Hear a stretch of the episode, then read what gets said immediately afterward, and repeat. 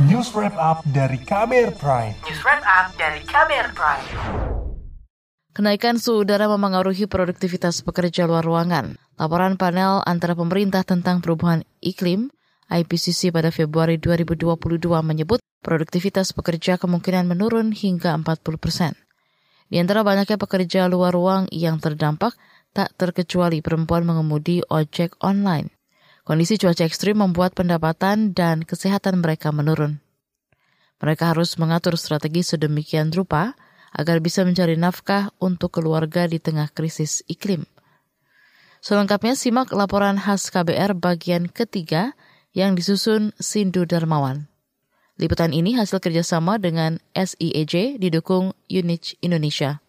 Operator transportasi dalam jaringan merespons situasi yang dihadapi perempuan pengemudi ojek online saat cuaca ekstrim. Salah satunya Grab Indonesia. Direktur Roda 2 dan Logistik Grab Indonesia, Tias Widyastuti mengatakan ada berbagai inisiatif yang dilakukan untuk mengatasi dampak cuaca ekstrim kepada mitra pengemudi.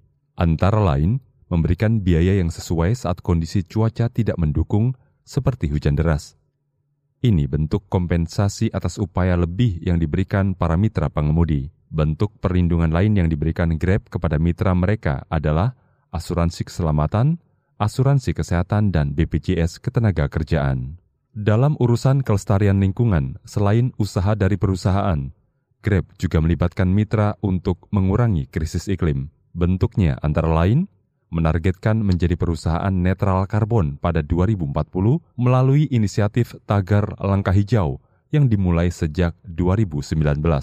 Inisiatif tersebut meliputi hadirnya kendaraan listrik Grab Elektrik.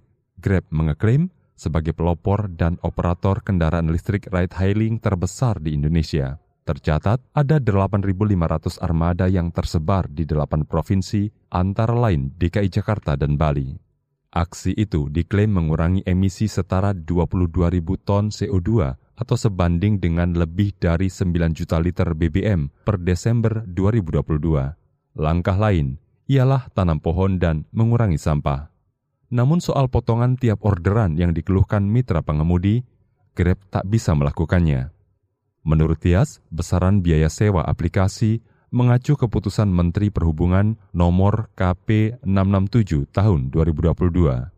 Grab menyebut biaya ini telah dihitung saksama dan digunakan juga untuk menunjang kebutuhan mitra pengemudi seperti biaya operasional 24 jam dan layanan tim cepat tanggap kecelakaan. Sedangkan soal dorongan terhadap percepatan revisi Undang-Undang Lalu Lintas Angkutan Jalan UU LLAJ yang kini masih mandek, Grab siap berdiskusi dan selalu terbuka dengan para pihak terkait agar tercipta kebijakan yang sesuai kebutuhan masyarakat dan perkembangan industri. Soal revisi Undang-Undang LLAJ, Maxim Indonesia memiliki jawaban yang sedikit tak jauh berbeda dengan Grab.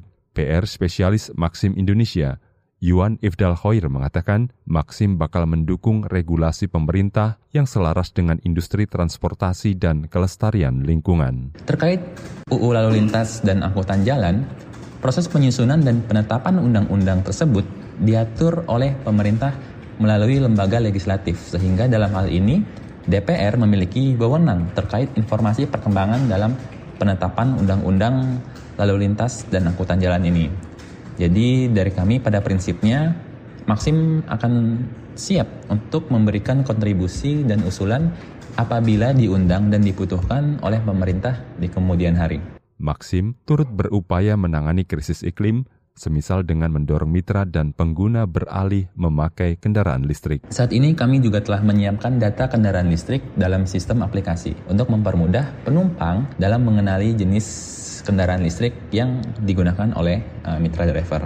Yuan menyebut perusahaan memahami risiko yang dialami mitra pengemudi termasuk ancaman krisis iklim. Namun Maxim tak membedakan antara pengemudi laki-laki dan perempuan.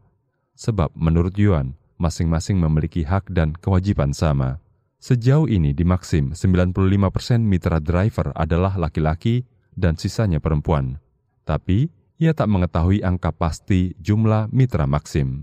Oleh karena itu, kami, Maxim, uh, bekerja sama dengan YPSSI untuk memberikan bantuan berupa dana santunan kepada mitra driver dan juga penumpang yang mengalami musibah di jalanan, seperti kecelakaan lalu lintas saat sedang menggunakan layanan Maxim. Yuan mengeklaim tak ada penurunan pendapatan dari mitra pengemudi meski ada cuaca ekstrim.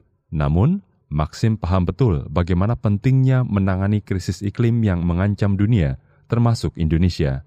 Itu sebab sejumlah langkah telah dilakukan perusahaan. Maxim telah mengambil beberapa action untuk mengatasi krisis iklim yang terjadi, seperti melakukan aksi penanaman pohon, bersih-bersih pantai dan jalanan. Lalu yang terbaru adalah kami telah menjalin kemitraan dengan lebih dari 1.500 kendaraan listrik untuk bergabung sebagai mitra pengemudi Maxim, dengan tujuan menciptakan sistem transportasi green energy untuk mengurangi penyebaran emisi karbon di Indonesia.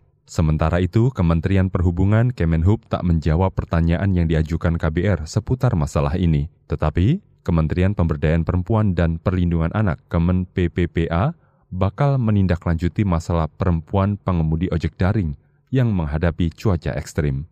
Nantikan liputan bagian 4 esok. Saya Sindu Darmawan. Kamu baru saja mendengarkan news wrap up dari KBR Prime. Dengarkan terus kbrprime.id podcast for curious minds.